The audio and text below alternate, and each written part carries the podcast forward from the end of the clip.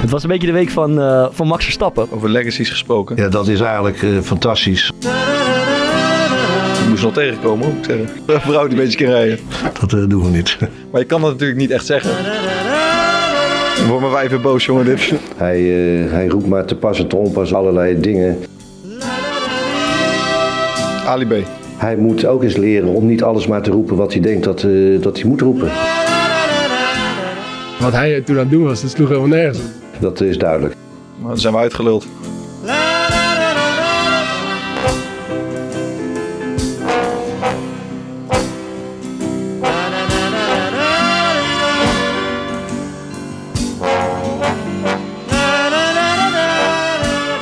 Vandaag precies vier jaar geleden. Thomas en ik speelden samen bij Sparta. Onze trainer Pastoor werd ontslagen een dag na een 0-7 nederlaag. Het was een daad met verstrekkende gevolgen. Want zonder dat ontslag geen dik advocaat op het kasteel. En zonder dik advocaat ook geen korpot. En zonder korpot misschien wel nooit de korpodcast. Maar inmiddels 74 afleveringen verder en we gaan het roerige jaar warmpjes afsluiten. Vandaag met een man met een nagenoeg smetteloos uh, imago. Nou. Nog wel. De vrolijke uh, Tan is, uh, is bij ons aangeschoven. Leuk dat je er bent. Ja. Thanks. Ja, graag. Heel leuk. Je moest vanochtend naar de tandarts, uh, begrepen? Ja, maar ik dacht dat ik al de implantaat kreeg, maar het werd alleen maar ingemeten. Dus ik was wel een beetje teleurgesteld. Dus oh. ik moet nog weer twee maanden wachten. Nee, is niet waar. Januari. Januari. Nee, ik heb, ik heb uh, wat is het, anderhalf jaar geleden of zo, bijna twee jaar geleden heb ik, zat er in een uh, gehaktbal. Echt, jongen. Ey, er zat een, nee, er zat een steentje. Uh -huh. Dus ik neem een hap van die gehaktbal. Maar echt, als je, als je het niet ergens op rekent, dat gevoel. Hmm. Ik koude echt keihard. En ik hoor, het deed pijn. Ik ben meteen aan het Ik heb die avond nog uitzending gedaan. Ik vraag me af hoe. Met zeven paracetamol. Uh, toen ben ik de volgende dag naar de tandarts gegaan. Want het was een stukje van... Uh, wordt dit nou een hele tandarts ding? Maar goed.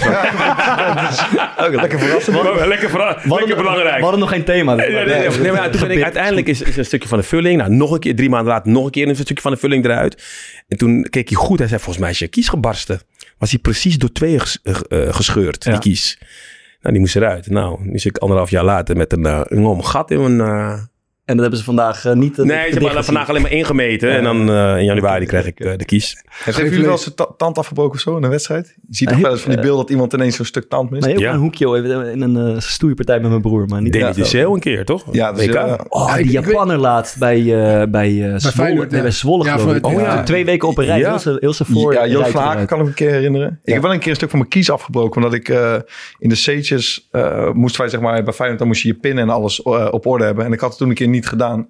En had je van die schoenen die je kon wisselen, weet je ja, Maar dan durf je niet tegen je trainer te zeggen dat ik het vergeten ben. En ik mhm. kon nergens meer zo'n draaiding vinden. Dus toen heb ik geprobeerd die pinnen met mijn oh, echt? wit vast te draaien. Toen heb ik zo'n stuk van mijn kies eraf, eraf gehad. Is dat nog steeds eraf? Of was ja. de melktand? Nee, is nog steeds eraf. Ik heb wel één melktand nog trouwens. Oh. Wel, uh, ik weet niet of ik dat heb verteld. Ik had vorig een van die weinige wedstrijden die ik speelde uh, tegen Top Os. Bots ik op een gegeven moment tegen Rick Stuin van de Herik of zo. Klein stiertje. Ja, daar bots ik tegenaan en ik kwam met mijn voortand ergens tegenaan. Dus ik loop daarna, zeg maar, in het spel loop ik langs en ik zeg, heb jij geen pijn, jongen? Ik, ik, heb volgens mij mijn tand in je, in je voorhoofd gezet. hij zei, nee, was ook mijn voortand. Dus ik ben gewoon met mijn voortand tegen zijn voet. Ah, dat is zeg maar een hele slechte kus. Ja. Genoeg over Genoeg over tanden. Het was een beetje de week van, uh, van Max Verstappen ook. Uh, en volgens mij heb je drie uh, type mensen. Mensen die dat eigenlijk het hele jaar volgen en er die hard in zitten. mensen die het gereed interesseert, maar afgelopen week zijn aangehaakt en het toch wel leuk vonden. Moet ik toch schuldig, moet toch schuldig Daar ben ik op zeker. Ja. Ik ook. ja, gewoon op die bandwagon springen op het laatste moment. En mensen die het gewoon geen tering interesseert en dat volhouden. waar, waar zit jij in het spectrum? Dan zit ik meer in die eerste categorie. Maar dat komt omdat ik um, Max in 2014 uh, voor het eerst bij Late Night aan tafel heb gehad. Met zijn vader. Ja. Hij was toen 15, denk ik. En toen zei uh, zijn vader nog uh, over vier, vijf jaar denk ik dat hij misschien naar de Formule 1 gaat. Dat, is, wat, dat was het plan. Mm -hmm. Maar toen ging je al anderhalf jaar later naar Formule 1. Naar Toro Rosso en daarna naar Red Bull. Dus ik heb eigenlijk sindsdien ben ik hem uh, wel gaan volgen. Er waren wel twee dingen die me een beetje... Uh, Ali B. Stoort. Nee, nee, ja, oh. daar gaat het ding nog wel even over. Nee, maar nou ja, dat, dat er eigenlijk door niemand gezegd wordt dat hij gewoon ook best wel geluk gehad heeft. En ere wie ere toekomt, want hij heeft waarschijnlijk ook gewoon uiteindelijk terecht gewonnen. Maar iedereen heeft een beetje geluk nodig. Maar ook, zeg maar, dat sportieve gedrag van Max... Uh, na, na uiteindelijk, zeg maar, dan in één keer heel erg respectvol over... Uh, Lewis. Over Lewis Hamilton uh, praten. Dan denk ik echt bij mezelf... Dat is niet, als je had verloren, had je dat never gedaan. Ah. Want hij heeft, hij heeft, hij heeft heel het jaar natuurlijk... Hij kon, ja, aan alles merkt hij dat hij zijn bloed wel kon drinken. Van, nou, van, bij, nou, ze hebben altijd wel respect voor... Ik heb net toevallig een, eh, een Formule 1 podcast zitten luisteren hierover. Ze hebben altijd wel respect voor elkaar. Alleen ze zijn rivalen. Ja, tuurlijk. Maar, maar wat ik het, eh, weet je waar je het aan kon zien? Wat ik een van de mooie... Er waren twee mooie shots, vond ik. Uh, Max met zijn vader. Ja. Was prachtig. En de vader van Lewis met de vader van Max. Meteen na de mm. wedstrijd. Ja. Dat die elkaar omhelst om elkaar uh, te feliciteren. Althans, ja, Louis' vader feliciteert Jos. Omdat beide vaders hebben zoveel geïnvesteerd in hun kind, in hun zoon. Uh, Louis nog met nog meer tegenstand dan Max, trouwens. Ja. Um, maar uiteindelijk, bedoel, toch allebei gered. Allebei wereldkampioen. Louis zeven keer. Dus eh, ik weet niet, het is rivaliteit op de baan. Maar van de baan af is dat wel oké okay geweest. ik had wat, wat, is dat, wat is dat voor gozer eigenlijk? Ik moet eerlijk zeggen, hij, hij komt er mij zelden over als, Max? Een, als een sympathieke jongen. Max? Ja. Hij is super fanatiek. Mhm. Maar hij is heel chill. Hij zegt, heb je die documentaire van hem gezien? Whatever dus it takes. kan wel samen gaan. Even. In documentaire, hij heeft een documentaire Whatever it takes. Dan zie je hem gewoon dronken. Hè? Had ik trui kunnen laten halen. Dus hij is jarig. Hij zuipt. Ja. Hij lallen. En toen zeg ik, waarom heb je dat ingelaten? Hij zegt, nou, zo ben ik toch? Ja, ja, ja. mogen mensen best wel zien hoor. Ja.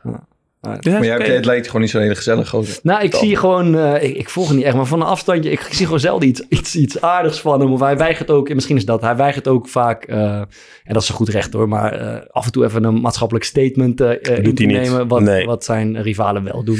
ik denk dat dat ook leeftijd is. Ja, dat zou kunnen. Lewis zei, toen Lewis net in de Formule 1 kwam, toen werd hij heel racistisch bejegend ook. Ook ja. op verschillende um, circuits apen pakken, letterlijk op de tribune, ja. uh, uitjouwen. Ja.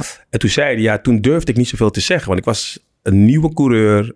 Ik zag het wel, het deed pijn. Dat dit er vanaf kinds af aan deed hem pijn. En zijn vader trouwens ook. Uh, maar hij zei niks. Maar nu, Lewis, met zijn zevenvoudig, met zeven wereldtitels. Uh, hij was anderhalf jaar geleden in Amsterdam, bij de Bijkorf. En toen vroeg ik aan hem, wat wil je dat jouw legacy is? Wat moet, ja, wanneer je niet meer race, wat moeten mensen van jou onthouden? Ja. Uh, en hoe, hoe, moet misschien Formule 1 veranderd zijn door jou? Hij zegt, nou, ik hoop dat als ik gestopt ben met racen, uh, wat Senna heeft betekend voor veiligheid in Formule 1, hoop ik te betekenen voor uh, diversiteit in Formule 1. Mm. Uh, het kan niet zo zijn dat ik bij Mercedes met 800 mensen die daar werken in de fabriek, dat ik de enige zwarte man ben. Dat heb ik ook gezegd tegen Mercedes. Dat kan niet. Ik bedoel, het kan niet zo zijn dat wij over vijf of tien jaar uh, nog steeds zo'n exclusief clubje zijn van alleen witte mannen. En één zwarte man toevallig, een soort Tiger Woods, net als bij golf. Maar ik hoop dat dat verandert. En niet alleen in de auto. Waarom zou ik niet tegen een vrouw racen? Graag zelfs. Mm Zet er in die auto. Goede vrouwen die kunnen racen. Goede een coureur. Maakt mij niet uit. Vrouw of man. Ik moest nog tegenkomen. nou ja, weet je, de, de, betere strategie uh, bij, bijvoorbeeld bij Alfa Romeo is een vrouw. Die bepaalt strategie van de, van de wagens. Bij Max heeft ook een vrouwelijke stratege gehad. Dus het is niet alleen wat je ziet, maar met name ook achter de schermen zijn mm. zoveel mensen. Hij zegt dat moet uh, opengegooid worden mm. voor uh, de hele wereld en niet alleen een exclusieve club. Ja. Over, uh, over legacies gesproken. onze core podcast legacy, dat moet toch een beetje voort gaan komen uit het ruilspel. En ja. ja, we hebben vorige week we hebben een, een soort ruilspel gaande. En we zijn nu, Frans Timmermans heeft ons voorzien van de voetbalschoenen van Francesco Totti. En toen dachten we, nou, dat is echt een mooi dat is een mooie stap omhoog. En we zijn er ook direct. Oh, we, ja. we hebben een... Het is geen Louis Vuitton, maar we hebben een Gucci toilettas. oh, Heb je hem ook? Ja, nee, ik heb hem nog niet. Uh, het is van een... een, een ja, wil je niet hebben? Ja.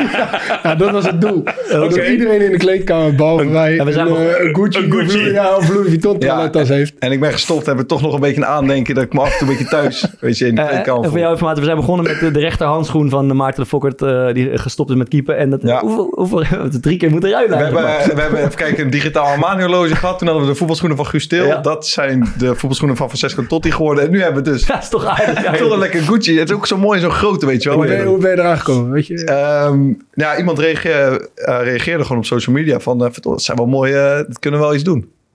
Zei ik van, ja, oké, is goed. Een beetje uh, over en weer. Hij, hij, was echt serieus. Maar is dit je einddoel, dus die tas? Nou ja, nu wil ik eigenlijk door naar een Rolex. Oh. Uh, ik weet niet wat jij nu komt. Ja, ik, heb, ik heb IWC. Ja. ik weet, als je iets moois speelt, als je een mooie uh, gebruikte voetbal... ik zou niet eens doodgevonden willen worden met die tas. Ja, is echt nee, ik denk toch dat, dat, dat als je echt door wil naar een Rolex, dat dit dan geen uh, goede strategische nee, Misschien als je wel de voetbalschoenen van Totti wil, ik kan hem altijd nog annuleren, weet je. dat is iets goeds. Voor de Rolex? Nee, ja, dat mag ook een Voor iets anders? mag ook een tussenstation zijn. Ik, heb, ik, ik zou niet weten wat ik zou... Het is wel Totti, uh, ja, denk Verstappen of zo. Ja, ja, ja. Wel een mooi stadion trouwens, uh, Roma. Ja. Mooi, dat, met dat park daar, die beelden, die typer erbij. Kan, kan je een beetje voetballen? Nee, man. Nou ja, weet je, amateurvoetbal. Ik heb, ik heb de, het grootste deel van mijn leven is uh, vierde klas KVB, uh, Meerboys. En ik heb nog bij DCG gespeeld. Daar speelde reserve tweede klas en het eerste speelde eerste klas op zaterdag. Ja. En uh, bij AFC uh, vijf. Maar dat, dat was mijn voetbalcarrière. Wat, wat, voor positie liet hij denken? Ja, ja, ja, wat, ja, wat, wat ben ik? Denk ja, wij denken vrijwel altijd bij iedereen een simpel bekje. maar, maar ik, denk, ik, wil even, ik denk, ik, ik denk dat, dat jij een controlerende middenvelder bent. Ik zweer het, ik wil net zeggen. Ik denk ook eentje die, die zeg maar alle rationaliteit kwaliteit verliest tijdens de wedstrijd. Hele gemene speler, denk ik. Ik zet hem op rechts buiten. Ja, ja. Aan de binnenkant of aan de buitenkant? Buitenkant. Ja, ja. Ik was razendsnel. Ja. Was? Ik was een, ja, was. Ik, ik, ben, ik, ik ben echt, ik ben echt altijd, of nog vrijwel altijd rechtsbuiten gespeeld. En als ik moe was, was ik wat rechtsback. Dan, dan ging ik, ja, ga jij maar naar voren. Ik blijf hier achter, achter hangen. Maar had je lekker voorzetje dan in de benen? Ik had een goede voorzet. Ik kon absoluut niet scoren of afmaken. Ik was echt, ik was echt wild. Maar, raak, je dan in paniek of overzicht kwijt? Nee man, ik, ik, ik, keek alleen maar naar mijn voeten. Ik wist niet eens wat ja, goal was. Mijn blik was... Uh, mijn blik was gewoon... Mijn blik was op, niet op oneindig, maar gewoon naar beneden. Ik was er echt slecht in. Oh. Alleen ik was... Um, ik was wel uh, wel nadenkend, denk ik. Want ik bedoel, niet alleen uh, vroege voorzetten alle Manfred Kaltz. Dat is mijn uh, generatie. Manfred Kaltz, de vroegere mm. HSV, Becky. Die heel vroege voorzetten gaf. we, hadden, we, hadden, vorige week Frans Timmers die begon over dat zijn held Rudy Vuller was. En jij begint ook al over een Duitser. Ja, ja dat, dat, was echt die bananenflanken okay. van, van, van Kaltz. dus dat was heel, heel, top. Maar voor de rest, nee, ik was, ik was niet een, een goede voetballer. Niet, niet top. Maar ik was wel, voor een amateurteam was ik heel nuttig. Mm. Op de 16e ben ik gedebuteerd in het eerste. Daar vond ik heel trots op. Oké, okay, okay. Ik was bloednerveus. Heb je, heb, je, heb je een bepaald type voetballer waar je heel erg van houdt? Ja, ik hou van um, technische voetballers. Ja. Die spelers. Maar dan zijn we uitgeluld. Ja, ja, nee, weet je, ik hou van... Uh, ja, noem ze maar op. Uh, van Tjöla Ling toen tot uh, Anthony nu. Of, uh, nou, ik moet zeggen, uh, goede Ricardo Cruz vond ik ook een lekkere spits. oh, Romario, Romario vond ik fantastisch fantastisch om naar te kijken altijd. Ik had gehoopt dat jij Ronnie Brunswijk ging noemen. Ja. Nee, man. Ja, we moeten het toch even over hebben. We vorig jaar één keer besproken. Dat is ook een controlerende middenveld. Ja. Bizar verhaal. Dat is de vice-president uh, van Suriname. Dus de Hugo de Jonge van Suriname. Ja. Uh, kale man, 60 jaar, dikke buik. Ziet er heel uh, onbetrouwbaar uit. Maar die heeft zichzelf dus opgesteld bij een club uh, in Suriname. Ja. En in een serieuze wedstrijd ook in de voorronde van de uh, Zuid-Amerikaanse Champions League. Ja. Uh, heeft geloof ik 60 minuten volgehouden, 7-0 verloren. en heeft zichzelf als aanvoerder daarop En die, en, en die club is zwaar gestraft. Door, ja, door dat. Ja, ja, want ja, kan natuurlijk niet. Nee, maar het, het zieke eraan, er zijn ook allemaal filmpjes opgedoken dat hij na de wedstrijd allemaal flappen met geld staat uit te denken in de kleedkamer van de tegenstander. Ah, daar zal ik dan nooit bij zijn. ja. ja. Nee, ik vond het jammer dat het gebeurde. Want ja, het is voor het aanzien van het Surinaamse voetbal echt niet goed natuurlijk. Ja. Ik, ik ga komend jaar een aantal maanden op reis naar Midden- en Zuid-Amerika. En als ik dan naar Suriname zou gaan, wat, wat moet ik dan echt doen? Binnenland. Oerwoud. Schitterend. Er is geen land in de wereld waar je um, met Nederlands het oerwoud kan zien. Mensen verstaan je. Jaguars, schitterende vogels, meer dan 300 inheemse soorten, bloemen, planten, fantastisch. Je hebt bijvoorbeeld een, een, vogel als de Screaming Pia. Als ik het laat horen, herken je het meteen. In alle films hoor je dat geluid. En dat is wat je dan hoort en ziet. Ik zal het even erbij pakken. We het omboeken. Maar. Ja. Het omboeken. Hij, hij heeft alles ja, vastgelegd. Word maar wij even boos, jongen. Dan kom je met wat nieuws op te proppen. Let op. Hoe heet dat ding? Ik ga je laten horen. Screaming wat je dan, Moet je voorstellen dat je dan loop je in het bos en dan hoor je dit. Nou. Hey. Lekker hoor. In het Surinaams heet het Bushis Kotu. Maar welke was de eerste die floot? Het zijn allebei. Skoto is toch... Dus Bushis Kotu is bospolitie. Kotu. En, en dus het, het eten, wat je, wat je ga je heel erg lekker vinden. Er is geen strandvakantie in Suriname, maar ga naar Galibi voor de schildpadden. Man. Suriname is een, een onderschat eh, eh, land qua toerisme. Kijk, Curaçao, Aruba, Bonaire, dan ga je echt voor een strandvakantie. Suriname ga je als jij van natuur houdt.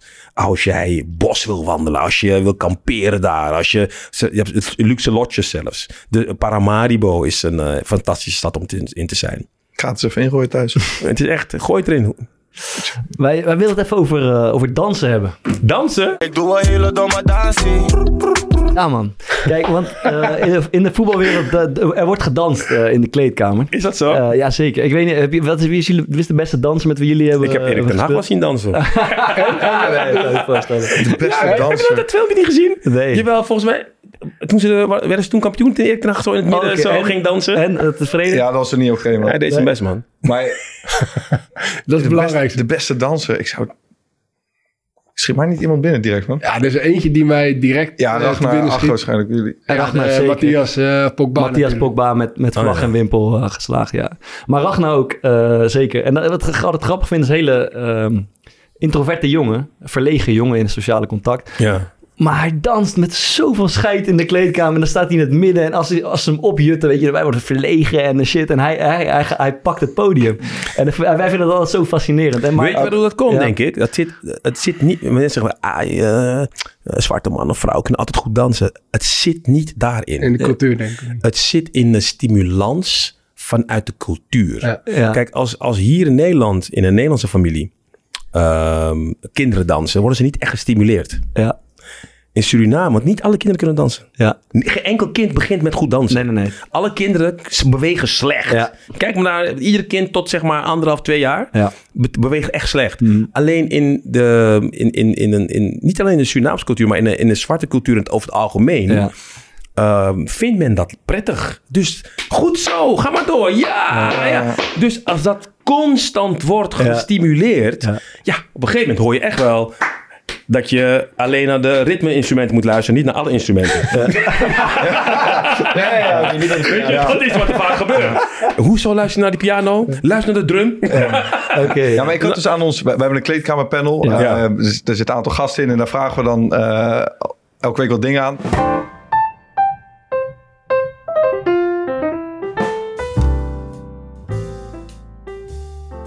Easy Toys. Kleedkamervibraties. Onvoorstelbaar, voorspelbaar, stomende meningen en trillende peilingen. De kleedkamer mist niks aan sensatie. Bezoek www.easytoys.com en gebruik de kortingscode KORPOT15 om de kleedkamervibraties ook in jouw slaapkamer tot leven te brengen. Dit keer was de vraag van hoe komt het dat het vaak toch gekleurde jongens zijn die heel goed dansen en die dat ook, die zich daar heel comfortabel bij voelen. Ja. En ehm, jongens zonder kleur niet. En daar komt eigenlijk precies wat, wat eh, Humberto nu zegt, komt eruit. Ehm, die zegt ook bij, bij witte mensen zit iedereen op een feestje in de kring, eten ze kaas eh, en worst van een plankje. En op de feest van donkere mensen wordt meestal veel gedanst en wordt het gestimuleerd. Ja. En volgens mij klopt dat wel. Ehm, en iemand, ik denk dat het Janne Saxla was, want die reageerde in het Engels. Die zei ook, als je in de kleedkamer als iemand die geen kleur heeft gaat dansen, dan word je toch altijd even, dan word je heel kritisch bekeken. en, de kans, enorme en de kans dat je ja. afgeschoten wordt is echt gigantisch. En eh, bij donkere jongens onder elkaar, die gaan elkaar inderdaad, wat Hubert net zegt, die gaan elkaar stimuleren. Die vinden Ja. het mooi. Ja, ja geweldig. Battles. En die battles van... hmm, Wow, lekkere move. Ja. Maar aan de andere kant, Justin Bieber, Ja, maar noem je wel uit. Justin Tim- Timberlake... Ja, ja, ja. Zo. Ja, het zit ook in de maar naam. die hebben... Maar die kunnen ook dansen. Ja, maar die, die, die hebben ook een bepaald danstalent, maar Ja. die zijn ook gestimuleerd. Ik heb natuurlijk in Zuid-Afrika gevoetbald. Oh, ja. En Dat is, eh, ja, dat is ook geweldig. nou, nou, eh, maar die gingen dus zeg maar altijd voordat, voor de, dat is een soort van ritueel. Voor de warming-up begint, ga je vanaf de kleedkamer Ja. naar het veld, dansend naar het veld toe. Moest je meedansen? Peter Ja. Leeuwburg ook een paar keer vrij ongemakkelijk bij zien lopen. Ja, ik, ik, ik klapte mee. hoor. Ja. Eh, Maar de- ja, ik kan, niet, ik kan niet dansen. En ik voel me Maar het totaal niet gem- wanneer je die knie naar beneden deed waarschijnlijk, of niet? Ja, Het is toch nou, een... Of, veel, of ging, veel meer. zat veel je ernaast? Lars Nee, Veldwijk, nee, nee, op zich, het ritme kan ik wel. Als je er helemaal niet in zit, wordt het ook heel kut. Maar dat, dat is niet relaxed om. Eh, ja, dus ik, ik hield me altijd een beetje afzijdig. Ik liep achteraan en ik klapte mee. En, eh, maar, kijk- ik, maar ik genoot er wel van. Dus maar kijk naar die warming-up van Braziliano bijvoorbeeld ook. Ja, dat is Ah, dat is geweldig. geweldig Weet je, maar, maar ook die, dat is gewoon puur omdat het gewoon zo gestimuleerd is altijd. Maar dan denk je dus van ja, die gasten die zijn los, die zijn ontspannen en weet ik het wat. Maar ik heb nog nooit eh, voetballers zien die meer stress ervaren als een voetballer in, in Zuid-Afrika. oh ja? Dus dat, dat, dat, dat zegt eigenlijk... Maar hoe komt eh, dat? ja, weet ik niet. Die, die, die jongens eh, op het moment zeg maar, dat, eh, dat ze niet spelen, niet in de basis staan en Geen gaan geld. trainen. Dan eh, ja, dat is denk ik het... eh, ja, dus dat is armoedecultuur. Ja, Daar, daar hangt veel meer van af. ja, Dus je probeert je wel jezelf in die ontspanning te krijgen. ja. Maar tegelijkertijd, ehm Piketty heeft daar volgens mij een boek over geschreven. Op het moment dat je gewoon economische stress ervaart, ja, dan kan je nog zo'n uh, relaxe omgeving hebben. Die economische stress is het Ja. belangrijkste.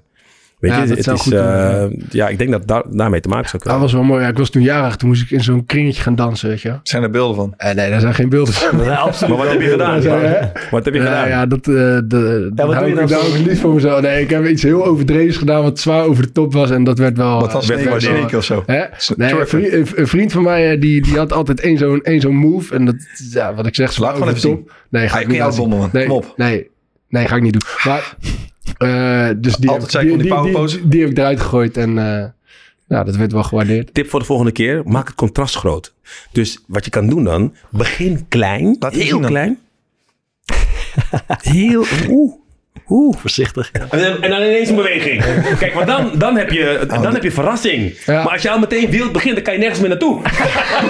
Ja, ik heb het ook, ik heb het ook heel kort gehouden. Maar, ik- maar een van die jongens uit Zuid-Afrika, die ging dus ook mee naar, eh, naar Nederland toen, toen ik vakantie had. En toen zijn we naar een, eh, zo'n festival gegaan hier in Amsterdam-Noord. En daar werd techno gedraaid. En toen wist hij echt niet wat hij moest doen. Hij werd helemaal gek, want hij, hij, die beat ging zeg maar te snel. Heel ook de niet beat. En dan, eh, en dan probeerde hij op techno... Hij zegt, wat doen al die mensen hier? Hmm. Ging die, eh, en wat hij toen aan het doen was, dat sloeg helemaal nergens. Dus dat was wel... eh, kon ik nog even me gelijk aan. Moest wel over dansen praten. Ja, voor, gewoon, eh, ik, ik heb jij een keer, een keer er iets over horen zeggen. En, en we ga- we gaan altijd zo, en dat vind ik leuk eh, dat je het weer haalt. We gaan, we gaan er altijd vanuit dat het eh, in het bloed zit bij Ja, mensen nee. met een Afrikaanse of Surinaamse afkomst. Nee. Maar eh, ik vind het een, eh, een leerzaam idee dat het, dat het in opvoeding zit. En al bij in stimulatie Het, het zit in cultuur. En Het het zit, in, ja. En hij kent natuurlijk zelf ook. Wij zitten daar in die, in die kleedkamer. No way dat wij gaan dansen. Want eh, dat is niet voor ons. Hè. Hier is niet ons podium. En, en Beetje in de lucht trommelen misschien. Klein, heel bescheiden zijn. Hey, maar je kan altijd met... je vindt het ook een lekker nummer. maar je Luister, er doe op- gewoon stap sluit. Ja. Stap sluit is altijd Ja, goed. Ja, maar zelfs Stap, dat... sluit, Ja. stap, Ja, sluit, maar jij gaat nu alweer met je schouders en zo mee. Dat is... Nou, dan begin je eerst stijf. Ja. En dan doe je steeds iets bij. ja, maar ik weet niet of je wel eens in een voetbalkleedkamer... Ik denk als je zo stijf gaat beginnen, dat... is geen, is geen, is geen veilige omgeving. Nee, het is geen- is geen hele onveilige eh, Of ik omgeving. doe alleen maar deze.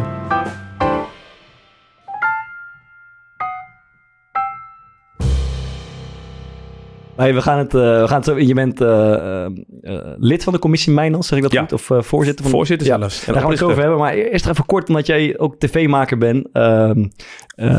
Wij maken een bescheiden podcast, maar het verschil is dat wij, wij nodigen mensen eh, uit aan onze tafel in wie we eh, interesse hebben. We hebben erover nagedacht. Het lijkt ons leuk om met die te spreken. Maar soms zit ik naar zo'n talkshow te kijken, ook al eens naar jouw talkshow. En dan Mhm. zitten er soms mensen aan tafel waarvan je toch onmogelijk kan zeggen dat je daar intrinsieke interesse in hebt. Of zeg ik dat, schen ik dat helemaal verkeerd? Althans, dat zou Ja, dat zeg je wel verkeerd. Want ehm, eigenlijk zitten er twee typen mensen.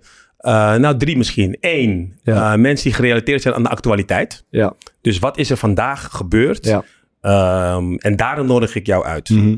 Nou, in de laatste maanden, jaren is dat veel corona. Ik moet zeggen, ik ben nog, nog best veel weggebleven met corona op Ja. zondag. Maar soms ontkom je er gewoon niet aan. Dus dan on- onnodig je mensen uit die echt puur gerelateerd zijn aan de actualiteit. Ja.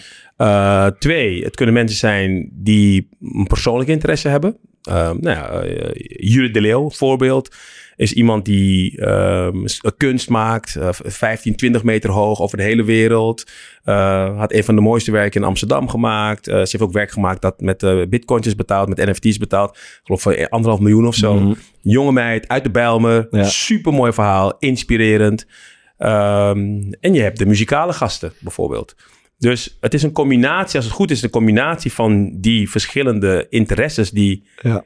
Mijn interesse moeten weerspiegelen op zowel radio als op televisie. Ja. Maar, Maar ja, kijk, voor ons lukt het al niet om iedere week een hele leuke gast te vinden. Dan gaan wij met z'n drieën. Ja. Maar dan kan, het kan toch ook niet dat het, als je zo'n talkshow runt, dagelijks op een gegeven moment, dat dan iedere dag dat, het, dat je het kan vullen met mensen die echt interessant Nee, het is niet iedere dag even interessant. Nee. Eh, Want ik zit van de week bijvoorbeeld te kijken naar, dat was, was Johnny de Mol. En die, daar, die had aan de ene kant zaten Rutger Kastricum en eh Pechtold. ja. En daar tegenover zaten Famke Louise en, de, eh, en Denzel. En de vriend. Ja, over die, en dat ging dan over die documentaire. En toen dacht ik, je ziet aan die Johnny de Mol, want het interesseert hem eigenlijk geen snars. Maar misschien wilde dan een jonge publiek aanspreken.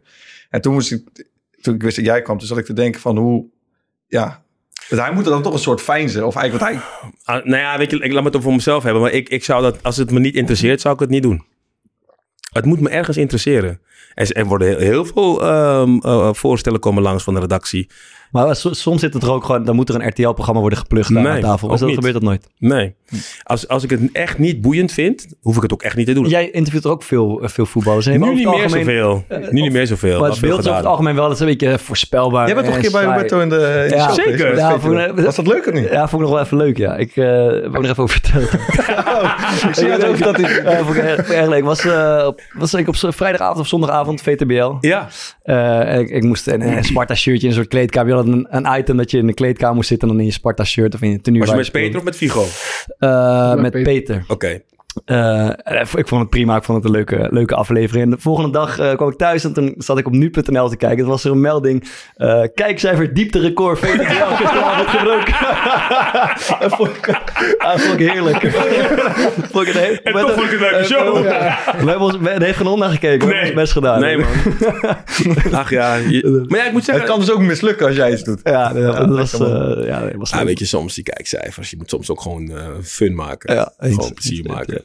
Maar is jouw ervaring ook met voetballers dat, dat het een beetje kabbelt, dat het voorspelbaar is, dat het, dat het eh, saai is? Vaak wel, ja. Vaak wel. Maar het ligt ook aan onszelf, vind ik. Ho- Hoezo? Nou ja, weet je... eh, Als een voetbal dan iets zegt, dan is het meteen een, een ding. Ja. En eh, als ze niks zeggen, zijn ze saai. Dus het is allebei is het niet goed. Ja, ben ik helemaal met je eens. Ja. Dus en er zijn, er zijn maar een paar die... Ja, Guus Steel is een goed voorbeeld. Die, Ja. die, die praat wel heel open. Ja. Maar die, dat gaat heel goed. Maar zodra het niet goed gaat, mag hij weer niks zeggen. Mhm.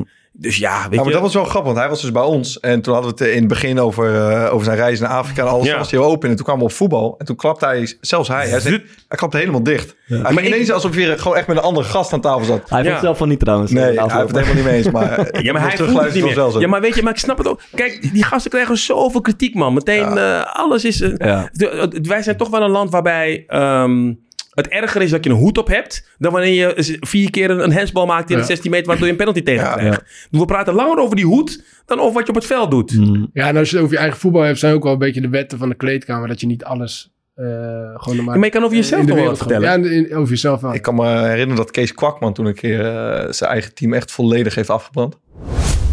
Eh, let op jongens, geen domme overtredingen maken. Geen dode zwalmomenten weggeven. En Tom gaat, eh, Tom gaat eerst in de, op de 16 op iemand zijn rug zitten. Ja, en sorry, maar die vrije trap die, eh, mag er echt niet in. Die gaat drie meter van de paal. Ik zeg drie keer tegen Brian, je moet een lange hoek, want wij springen. En dan gaat hij nog geen drie meter van de paal gaat hij hier binnen. Ja, sorry. Dat zijn gewoon fouten, die mogen niet gemaakt worden. En ook tegen tien man niet. Ik vind dat altijd wel mooi. Man. Omdat ik, is ook wel leuk om naar te kijken. Heel vaak, dat, dat, dat denk je ook. Weet je, als, als je achterin staat en er wordt niet gescoord, dan denk je, dan kom je binnen je, god, eh, als we nooit scoren, dan wordt het niks. En dat gaat als aanval hetzelfde als Ja. verdediging. Maar je kan dat natuurlijk niet echt zeggen. Maar je dat- bij het Nederlands zelf al met Van Dijk en met Memphis Depay. Eh van Dijk eh, die wilde meer verdedigen, Van Depay wilde meer aanvallen. Eh, die bespreken tot allebei zo uit. Nou, dat is meteen het thema van de avond. ja, ja. Dus als zij zich uitspreken, nou, dat, dat, Ja. dat is echt een ding. Frank de Boer mee te maken. Die moet dat is erop reageren. dat ze iets, iets verschillends zeggen. En terecht, hè? Ik bedoel, terecht. Ik ben er blij om, want dan gebeurt er tenminste wat. Maar ze waren gewoon heel uitgesproken daarin. Ja, Ja. Ja. ik bedoel, dat, dat, hebben- dat gebeurt wel. Ook, ook op dat niveau gebeurt het dus. Ja, Ja, ja, media doen het zelf ook, dat is waar. wij, wij doen het eh, zelf zeker. Dus ja. Ehm, dan jouw, eh, jouw werk voor de, voor de commissie Mijnals, waar we het eerder over hadden. Ehm, dat is een commissie die bedoeld is om eh, inclusiviteit in het voetbal te bevorderen. Dus racisme, maar ook... eh, ja, nou, met name om eh, inclusiviteit bij de KNVB zelf ja, te bevorderen. En discriminatie en racisme te bestrijden. ja, ja, ja. in het eh, Nederlandse voetbal. In het Nederlands voetbal. Maar met name gericht op de KNVB. Omdat, ehm, kijk, mijn punt was richting de KNVB, verbeter de wereld, begin bij jezelf. Want je kan iedere keer kan jij eh, clubs en mensen aanspreken op wat er niet goed gaat. Ja. Maar wat doe je zelf? Wat doe je zelf in je eigen organisatie? Hoe ziet jouw organisatie eruit? Waarom zijn bij de vertegenwoordigende elftallen, waar, uh, dat weten jullie zelf ook, de spelers misschien soms 40 tot 60 procent van de spelers hebben een niet-westerse achtergrond. De coaches 0,0. Mm En ik hoor altijd al mijn hele leven lang hoe belangrijk de details zijn in een topvoetbal. Maar iemand begrijpen is kennelijk niet belangrijk. En dat wil niet zeggen dat wanneer je niet die achtergrond hebt, dat je mensen niet kan begrijpen.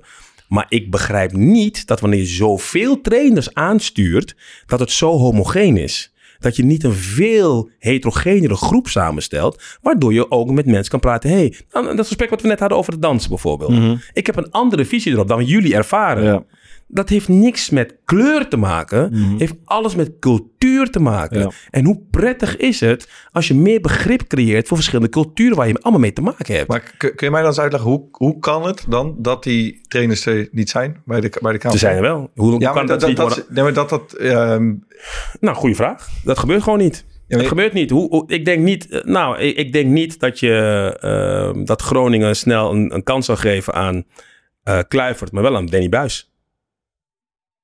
En dat, en, zo simpel is het. En, zo simpel is het. En dat is, zit, daar zit een soort uh, voor, voordeel achter. Er zit een bias in. Mm -hmm. Er zit een bias in. Ik ga jullie een hele gekke vraag stellen misschien. Um, noem mij een slimme zwarte speler. Pogba. Ik zal even nadenken. Noem mij een slimme witte speler. Ja. Dedy Blind zou ik nog zeggen. Ik, ja, ik, ik, ik, uh, ik snap, ik snap wat je doet. Ja, dus dan komen er bij, ik snap bij, bij tweede vraag komen er meer namen nou omhoog dan bij de eerste. Precies. Mm -hmm. En dat komt ook door ons woordgebruik. In combinatie met zwarte spelers wordt wij bijna niet de term slim gebruikt. Ja. Bijna niet. Nou, en als je dat doortrekt, dan zal je ook zien dat ook eh, dus in begeleiding veel, min, veel minder snel gedacht wordt aan iemand om voor een groep neer te zetten. Ja. Henk Vrezen heeft veel langer gedaan mm -hmm. Over zijn carrière dan een aantal leeftijdgenoten van hem. Ik, ik ken het, het verhaal over uh, de vooroordelen van uh, voetbalcommentatoren. Dat is een onderzoek van uh, Jacco ja, Wetenschappelijk onderzoek, ja. ja Niet alleen in Nederland, maar ook in Engeland. Mm. Maar toch, ik las dat ook en toch denk ik, als ik gewoon naar de werkelijkheid kijk... en ik probeer daar zuiver naar te kijken, dan, dan is het een object, soms ook een objectieve waarneming dat Afrikaanse spelers, donkere jongens, ehm, atletisch vermogen hebben en snel zijn. En als er een discussie over tactiek plaatsvindt binnen een team, dat dat meestal de witte spelers zijn die daar, die daar zich in mengen of daar iets over zeggen. Dus dat, dat, ja, dat is wel een beetje veranderd. Een objectieve waarneming toch ook misschien. Of is dat, is dat ook een bias? Nee, ik vind, ik vind, ik vind dat, laatste, dat laatste vind ik niet objectief. Want, want, want dat, dat is niet terecht. Maar inderdaad, als je kijkt naar gewoon uh, fysieke eigenschappen, daar kan je gewoon objectief naar kijken. Zeker, zeker. Het, maar het is, het is niet um, uh, een, een. Het is niet exclusief voorbehouden aan. Nee, nee, nee daar ben ik helemaal met je eens. Dat is het meer. Ja. Um, en, en je zou kunnen zeggen, ja, maar in sport bestaat er toch helemaal niet, joh, dat soort uh, maar als je, als je bijvoorbeeld hebt over trainers, hè, we hadden het net over ja. dansen in de kleedkamer, dat het een uh, bepaalde vanuit de cultuur komt. Mm. Als ik zeg maar vraag aan aan, aan jongens met verschillende culturele achtergronden. Van wat wil jij na je uh, carrière doen? Dan, dan, dan is dat ook zeg maar, cultureel ingegeven. Zeg maar, dat bepaalde culturen voor iets anders kiezen dan, uh, dan andere culturen. Weet ik niet. Ik bedoel, als je geen voorbeelden ziet, nee, dat, is het lastiger. Kijk nu naar UEFA Pro-opleiding vorig jaar. Ja. Uh, voor het eerst in de geschiedenis van UEFA Pro, vroeger coach betaald voetbal, was 50% van de nieuwe cursisten was, heeft een niet-westerse achtergrond. Voor het eerst. Waren die tot nu toe de waarde er niet? Maar die werden gewoon niet geselecteerd. Ja, dat zou kunnen. Maar pleiten jullie voor een quotum dan? Of, of uh, hoe, nou, ik zou het niet eens quotum doen, maar targets. Maar hoe, Zoals vrouwen trouwens ook, hè? Ja, ja. Hoe bedoel je dat? Die, die werden gewoon niet geselecteerd? Dus waren wel er, zijn maar, er zijn een beperkt aantal plekken. De, op een of andere manier lukte het nooit. En dat, men wist eigenlijk niet precies waardoor het niet lukte. Maar de aanmeldingen waren wel... Er waren van aanmeldingen, ja. ja zeker. Maar was het nou financieel? Of waren ze niet goed genoeg? Of nou ja, altijd vage criteria. Uh, dus nou, ik, en ik vind, en daarom concentreren we ons op de KNVB. Ja. Ik vind dat een voetbalbond daarin het voortouw moet nemen om dat te verbeteren. Waardoor we niet steeds weer als er een incident is zoals uh, Mendes Morera, dat je allemaal gaat roepen, oh we zijn zo geschokt. Oh, we zijn geschokt. En dan blijft het daarbij. Ja. Want dat stoort mij gewoon. Ja. Wat doe je structureel om het te verbeteren? Ja, want ik heb dus ook aan het kleedkamerpanel precies het voorbeeld wat jij nu geeft. Oké, we hebben die, eh, waar Thomas en ik overigens allebei bij waren, dat met uh, Ahmed Mendes Moreira gehad. Nou, toen was het natuurlijk een hele golf van aandacht. Ja. Uh, dus ik heb aan die gasten gevraagd van, joh, hoe zien jullie dat nu? Merken er iets van? Is er iets veranderd? Ja. En er zijn een aantal jongens die wel, ehm, die daarin aangeven van, nou, volgens mij wordt er veel bewuster over nagedacht. Ja. Maar ook een hele hoop jongens die net wat jij zegt, zo zeggen van nee, dan is er zo'n golf aan aandacht en vervolgens zakt dat weer helemaal weg. Dus zou je iets kunnen zeggen over wat er dan in jouw ogen sinds die tijd nu veranderd is of, en waar jullie dan echt concreet mee bezig zijn met de commissie? Er is denk ik een, uh, wat het belangrijkste wat veranderd is, bewustzijn. Uh, kijk, er zijn een aantal dingen wel veranderd. Hè. Er is een diversiteitsmanager aangenomen. Uh, sindsdien heeft voor het eerst in de geschiedenis van betaalde voetbal... is er een vrouw directeur van betaald, betaald voetbal. Mm. Um, er is een, een discriminatie-app. Um, er is een campagne. Er is, nou ja, dus op allerlei fronten. Er is een commissie samengesteld. Um, er wordt constant overleg overlegd over dit soort zaken met uh, de KNVB zelf, met Tuchtcollege. Bijvoorbeeld die Mendes uh, is, een, is een goede zaak. Ja, dat was zes maanden later kwam er een uitspraak. Mm, ja. Idioot. Idioot. Het moment dat, je, dat het zo lang duurt. Als er op dit terrein um, een incident gebeurt en je moet zo lang wachten op een uitspraak, dan is het dus niet urgent. Uh, het moment dat de KNVB niet meedeed aan een actie met de Premier League. Die zegt van oké, okay, we gaan jullie we gaan aansluiten. Mm. Ja, weet je, dat, dat gaat niet meer. Kijk, ik denk dat uiteindelijk doet de FE doet het heel goed. Uh, het moment dat je het, het, het diverser maakt, um, voorkom je kwaliteitsuitval. Want een goed voorbeeld is Sieg. Ik denk dat als um, de KNVB in die periode een veel diverser lijn had gehad, dat je veel meer je had verplaatst in zonder garanties dat je had gekozen voor Nederland, maar dat je veel meer kunnen, kunnen denken, oké, wacht even, kijk, Frenkie en Matthijs, die kunnen niet kiezen. Dat is gewoon oranje. Maar die Sieg, die kan kiezen. Moeten wij niet met die jongen gaan praten? Of wat er nu gebeurt is, ja, hij belt me lekker. Hij was geselecteerd, omdat hij geblesseerd was, is het niet, is het niet doorgegaan. Hij was geblesseerd. Maar hij voelt zich helemaal niet welkom. En hij heeft keuze. Mm. Wat je er ook van vindt, hij heeft keuze. Nou, of we zeggen met z'n allen, ja, rot maar lekker op. Naar je eigen land. Ga maar lekker voor Marokko spelen. Mm. Of je denkt, nou, is best de moeite waard om een poging te wagen om hem voor Nederland te behouden. Want het is een goede voetballer. Maar het gaat toch altijd over kwaliteit? Ik heb één nog. Ja, ik vind het een beetje een soort ongemakkelijke vraag uh, om te stellen. Maar ik hoor van best veel jongens uit de kleedkamer nu. Uh, we hadden het net over dat er veel meer bewustzijn is rondom bijvoorbeeld woord, woordgebruik. Uh, maar die durven zich niet meer in sommige discussies, bijvoorbeeld over racisme, te mengen of te zeggen wat ze daarin vinden, omdat ze heel bang zijn om snel als uh, racist bijvoorbeeld bestem, ja. bestempeld worden, of gewoon om iets fout te zeggen. Of als, Ja. een, uh, als de sfeer in de kleedkamer goed is en ze willen een grapje maken en dat heeft dan. Um, ik kreeg het voorbeeld van iemand die heeft, een, um, die heeft een grote neus. Nu gaat Thomas zeggen dat Ja. ik het zelf was, maar ik was het in dit geval niet. en, die zegt, en, en, en die zegt serieus, hij zei nou, ik heb daar uh, ook wel vaker, uh, ik heb daar vaker dingen over gehoord. En hij zei, ik vind het, hij vindt het dan toch moeilijk om te begrijpen waarom uh, het wel dan geaccepteerd wordt nu dat iemand iets over zijn neus zegt. En dat hij niet uh, met alle goede bedoelingen en, en grapjes zou kunnen maken, bijvoorbeeld over iemands huidskleur. Hoe zou je daar iets over nog kunnen zeggen? Ik denk dat dat bepaalt hij voor een deel zelf. Ik kan het wel uitleggen hoor. Um, stel je voor, hè. Ik, ik kom even naar je toe. Ik neem even de microfoon mee. Mm. Over grapjes. Stel je voor, ik doe dit. Ja, dus ik ken je, je voorbeeld, ja. Mm. Niks mis mee, toch? Je tikt hem aan op zijn schouder, ja. Ik tik je aan op je schouder, Ja, één dus- keer. En nu tik ik je aan op je schouder. Jij moet me zeggen vanaf welk moment het irritant wordt. Wanneer wordt het irritant dat ik op je schouder tik? Ik snap het na een minuut Nou. en dan ga je zeggen, eh, pak het 20 jaar. Precies. Ja, en Kijk, en dan is dat grapje wat hij een grapje vindt, is een tikje die te veel is. En waarom zou je dat doen? Als ik boven, als ik een, als ik een huis heb, ik heb een bovenhuis. Ik draai keihard muziek. Mm. Dan komt mijn benedenbuurman komt naar boven en zegt, hé, hey, uh, Pik, ik wil slapen. Kan je muziek wat zachter? Wat zeg jij dan? Fuck you, ik wil gewoon mijn muziek draaien. Of zeg, oeh, ja, ik doe hem iets zachter. Mm. Wat hij zegt is, waar, waar- maar, waarom mag ik muziek niet gewoon lekker hard blijven draaien? Want die samenleving verandert gewoon. Dus waarom zou je niet rekening houden? En waarom, en bij, bij sommige Nee, groepen mij nee, dat wel. niet... eh, Nee, dat hij, hij zegt niet dat die, die grap over huidskleur wel kan. Maar hij vindt het zeg maar... Want bijvoorbeeld dat met de Eh, strikjes zou je ook ja. kunnen zeggen over de, Ja, maar, over dat, zijn maar dat, is neus. ook, dat, is ook, dat, is ook, dat is ook irritant. Daar moet je ook wat van zeggen. Natuurlijk. Het is niet alleen met de huidskleur heeft te maken. Ja. Dat heeft ook te maken met dingen die jij als irritant Hmm. ervaart. Of waar jij een gevoeligheid voor ontwikkeld hebt. Die, die tikjes. Ja. Ja. waarom, en die kleedkamer, en dat is ook inclusiviteit. Dan moet je, moet je je veilig voelen. En een trainer kan daarin heel bepalend Hmm. Ja. zijn. Dan moet je je veilig voelen om dat te kunnen zeggen. Ja. Tot slot misschien eh, train, eh, Henk Vrezer, mijn Ja. trainer. eh, ik denk generatiegenoot van jou ook. Ja. Eh, die heeft een beetje een tegengestelde mening in Ja. debat. Ik zal hem even quoten. Hij zegt, ik zie mensen op televisie verschijnen die zich werkelijk overal gekwetst over voelen. Ze zijn slachtoffer van dit, van dat, Mm. van zus en van zo. Ik kan niet tegen dat gejank. Tegen al die extremelingen aan de andere kant van het racisme-debat evenmin trouwens. Die kleine groep idioten verpest het voor de rest. En hij heeft het later over de lange tenen. Zijn grootste angst is dat we alles maar... ehm, dat we niks meer van elkaar tolereren. Geen geintjes Ja. meer, geen cynisme. Dus dat is een beetje een tegendraads geluid in dit eh, debat. Hoe, hoe, lu- hoe luister jij daarnaar?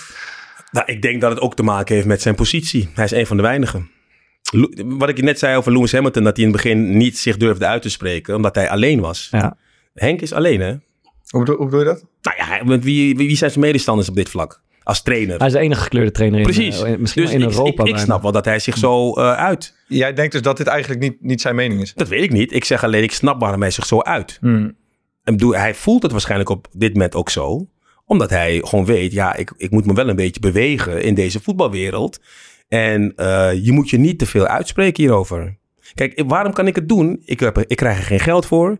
Ik ben totaal onafhankelijk. Dus jij zegt dat, dat Henk Vrezer niet onafhankelijk is in, in deze. Je bent, je bent afhankelijk van bestuurders die jou moeten kiezen. Hmm. Kijk naar, nou, over Henk Vrees gesproken. Toen Henk assistent werd benoemd van Louis van Gaal. Ja. Wat was het eerste wat aan hem werd gevraagd? Ben je assistent omdat, je, omdat die, het divers moet zijn? Mhm. Ah. Toen zei ik, what the fuck man? Moet je kijken wat die gozer gepresteerd heeft. Hij heeft een beker gewonnen. Waarom vraag je dat überhaupt? Ja. Wie kijkt er nou naar kleur? Hij heeft een beker gewonnen. Hmm. En de eerste vraag die jij kreeg is... ehm, is dit vanwege diversiteit? Oh, want hij kan er niks van. Ja, dat is een rare vraag. Ja, precies. Nou, en daar gaat het over. Ja, Ja. ja, ja. Maar bijvoorbeeld Ricardo Moniz... Want Corpot krijgt die vraag niet. Nee, maar...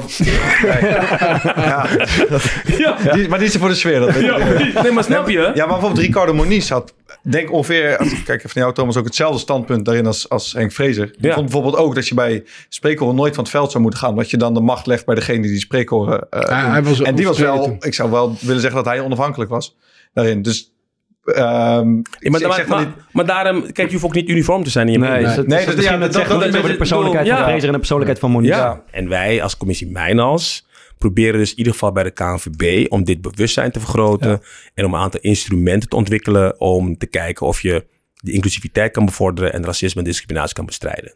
Duidelijk. En eh, nog nodig, eh, blijkt. Ja, helaas, ja. En zijn wij nog een van de betere landen, hè? Ja. Echt, goed. Aanraders om eh, positief af te sluiten. Zeker. Ik ben, eh, ik ben heel benieuwd eh, waar je mee komt. Ik, zit, ik heb net een serie gezien op Netflix.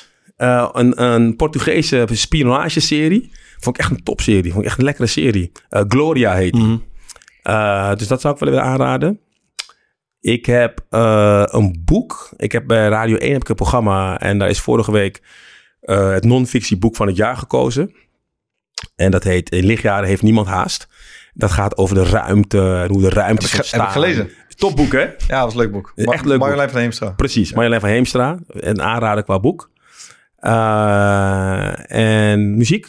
Ja, we, gaan, we, gaan, we maken het rondje van af en dan gaan Oh. we zo uit met een liedje. En die eh, komt ook voor jou. Eh, Oh. Dus eh, Thomas. Ja, ik heb weer eh, Een stad. een aanrader die ik, eh, die ik al een keer had gedaan. Nee, ja. Seizoen eh, 2 van ja. Heb jij altijd een stad? Ik heb één keer, eh, eh, had ik me niet goed voorbereid. En toen heb ik, eh on, the, on the spot heb ik eh, Barcelona als aanrader gekregen. Maar die is, Ze zijn weer heel, heel, heel de zomer plat gemeld met mensen die in waren. Op, eh, opgevolgd. Wij Maar- zeggen een luie keuze vinden wij, maar Ja. het, het, het, het Het viel uit. echt tevreden. Nee, maar ik, ik weet dat we, toen- we zaten een paar maanden of een paar weken geleden met Raymond Sluiter. En toen raadde ik Succession aan. En toen had ik net de eerste twee afleveringen Ja. gezien. Eh, dus toen vond ik het al vet. Alleen nu is eh, seizoen drie is net, eh, is net klaar. Succession, Drie, drie en het is echt, het wordt echt alleen maar gruwelijker. Is dat Dus op Netflix? echt, nee, op HBO zit het. Dus Oh. je moet via, via, via streamingsdienst. Je hebt toch vakantie kijken. nu, Hubert? Ik heb vakantie. Nee, het is, Ja. het is echt, het is echt. Heb je The Wire al gezien op. HBO? Ja, The Wire is, is, ja, The Wire is een van mijn favorieten. Ja. Die is top. Ja, wordt misschien wel tijd dat ik die nog een keer ga kijken. Oh, die dat kan nog een keer aanraden. Ja, ja, ja, de waaier heb ik nog nooit aangeraden, maar die gaat er een keer aankomen. Ja, toch? Ja, dat is echt gruwelijk. is echt gruwelijk. Misschien een beetje een rare tip uh, Lekker. deze week. Het gaat wel over boeken, maar ik heb al eens eerder verteld dat ik uh, bij Excelsior een, een, een, een leesclub ben gestart met kinderen. En daarvoor heb ik dus een kinderboek moeten lezen. Uh, oh. Lampje heet dat. En ik zou willen aanraden aan um, luisteraars van ons die kinderen thuis hebben. Moet je, ze moeten jaartje of zeven wel zijn minimaal om dat boek samen te lezen met je kinderen. Het is echt, het is, het is een fantastisch boek. Er zitten best wel wat uh, meerdere lagen in en mooie levenslessen. Uh, en het is een pagina of 300, maar dat is wel lekker met kinderboeken. Je bent daar oh. zo doorheen. En het, is echt, het, het gaat over een meisje die dan bij de, uh, bij de vader woont in een vuurtoren. Uh, en een beetje tussen de regels door kan je lezen dat die vader alcoholist is, dat de moeder overleden is. En ze wordt dan uiteindelijk, slaat die vader een keer, wordt ze uit huis geplaatst, komt ze in een ander huis terecht. En uiteindelijk... Vrolijk boek, man. Ja. ja, het, is niet heel, het, is, het is niet heel vrolijk. Maar Voorbereid op de wereld. Het, heeft wel, het, is een kinderboek, dus mm. het heeft een heel, uh, heel mooi einde. Uh, dus die zou ik willen aanraden. Oké. Okay. Uh, Whiplash. Ik had er nog liggen. Ik had vorige week een film gekeken. Schitterende film. Oh. Te zien op Whiplash. Pathé, thuis. gaat over een, een jazzdrummer. Uh, Thomas heeft me ook gezien, hè? toch geloof ik. Ja, het gaat over een jazzdrummer die uh, in een soort uh, conservatorium zit en met een mentor van een leraar te maken. heel zwaar moet drummen. Ja, ja, ja, ja, En die leraar, die maakt hem helemaal gek. Die drilt hem, die pest hem, die vernedert hem. op een zo'n irritante manier. Ik denk wel eens terug aan, aan die voetbalwereld. Soms heb je ook trainers die een beetje die neiging hebben. Verschrikkelijk altijd. Maar aan het eind van de rit blijkt het toch wel een succesvolle strategie. Want hij pusht die jongen tot het uiterste. Waardoor hij, ja, laat ik zeggen, de beste jazzdrummer van uh, Amerika is op dat moment. En er zitten schitterende scènes in. Ja. Het klinkt goed. Ja, Maar speelt hij echt? Weet jij dat? Ja, dat moet wel. Want hij, uh, hij speelt wel gruwelijk. Ik, ik heb het opgezocht, want ik was er ook ja. benieuwd. Hij speelt zo waanzinnig. En ja. Hoe kan je zo goed acteren en ook nog zo'n gruwelijke jazzdrummer zijn? Maar er zit, uh, laat ik zeggen, er zit natuurlijk dagen, uren, jaren van oefening in. Maar ook als je die scènes heel kort knipt, dan kan je... Ja, dan hoef, moet, hoef je maar een paar te hebben. Dat Want ze hebben toch een aantal dagen gedaan over zo'n, over zo'n half minuutje oh, of dat zo. Zou, die... Dat zou, zo, zou goed kunnen. Ja, wat, wat, ik het vet vond aan die film is dat je jezelf heel erg zit af te vragen. Zeg maar we hebben natuurlijk die discussie gehad over die, over die turntrainers hier in Nederland. Dat is misschien wel een beetje vergelijkbaar met wat er in die film gebeurt. Ja. En en, en die docent die zegt uiteindelijk heel erg duidelijk van ja, ik moet het doen om de, om de ik, wil, ik wil niet middelmatige drummers opleiden. Ik wil de nieuwe... Zonder dit was uh, Mel Davis... Maar, ja, ja, dat turnen, dat turnen ging toch ook over gewoon kinderen aanraken en zo, of niet? Of ging het alleen... Nou, nee, dat ging mij vooral over pushen. Ah, oké, okay, ja, ja, In Amerika was het mis, misbruik echt. Maar hier was het echt over te veel pushen of niet. Ja, ja, ja. Wel, wel fysiek ook, dus fysiek pushen. Dus ook... Klappen geven. Uh, nou ja, niet, maar... Nou, maar, schreeuwen. Ja, nee, en... en is natuurlijk heel veel rekken, turners doorduwen en zo. Dus uh, dat zulke soort dingen. Ja. Maar dat is wel, ja, uh, ik, ik hou er niet van, maar het zet je wel aan het denken. Zo. Ja, eens. Dus dat. Mooi bad. Uh, en we gaan we gaan dansen. Ik weet niet wat voor liedje, maar ik nee. een liedje om op te dansen. Nee, niet eens. Dit is, okay. dit is, meer, dit is meer een liedje, moet je voorstellen. Want ik, ik zit in de vakantiesfeer, hè? Ja. Strand. Oké. Okay. Copacabana. Zon op je huid. Niet te veel. Klein drankje erbij. Je hoort het geluid van het ijsblokje. Wat, nou, wat Bruno Martens in ik, drink, ik, ik, drink een caipirinha. Oké. Okay. Caipirinha met een klein suikerrandje. Uh -huh. um, en dan vervolgens hoor je achter ergens een klein beetje schallend. Omdat je bijna gaat lunchen. En het staat bijna klaar, maar je gaat nog niet helemaal. Maar die plaat trekt je naar binnen om aan tafel te gaan zitten. Dat je denkt, hé, lekker. Mooie vrouw op het strand ook. Rob, Rob, ja, ik zeg het maar niet. Roberta Sa. Samba di un minuto. Oké. Okay. Ja, kijk, zo kan je ze ook introduceren. Ja, ja, ja. Uh, tegen hem ga je dan niet zeggen of zijn eigen stem is. Huh? Tegen hem ga je niet zeggen of zijn eigen stem is. Nee, maar dit... Uh, dit ja, dat was goed. Dat moet ik ook eens doen. Dat is heel goed, ja. Oké. Okay. Uh, dank voor je komst. was leuk. Top, dankjewel. Thanks. Dankjewel, man. Uh, ja, en bedankt voor het luisteren. Ja, tot volgend jaar, hè. Gaan Gelukkig nieuwjaar iedereen. Ja. ja. Alright. Uh, je kan ons nog steeds volgen op Instagram. En doen ook te, net iets te weinig ah, mensen. Ja. podcast. En uh, als je iets te zeiken hebt of te klagen hebt, mailen. Korpodcast.gmail.com Juist. En, uh, We zijn op YouTube, Twitter, overal. Later. Goedjes.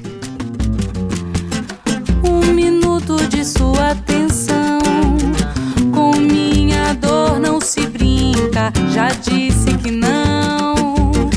Com minha dor não se brinca. Já disse que não. Devagar, devagar com dor. Teu santo é de barro e a fonte secou. Já não tens tantas verdades dizer.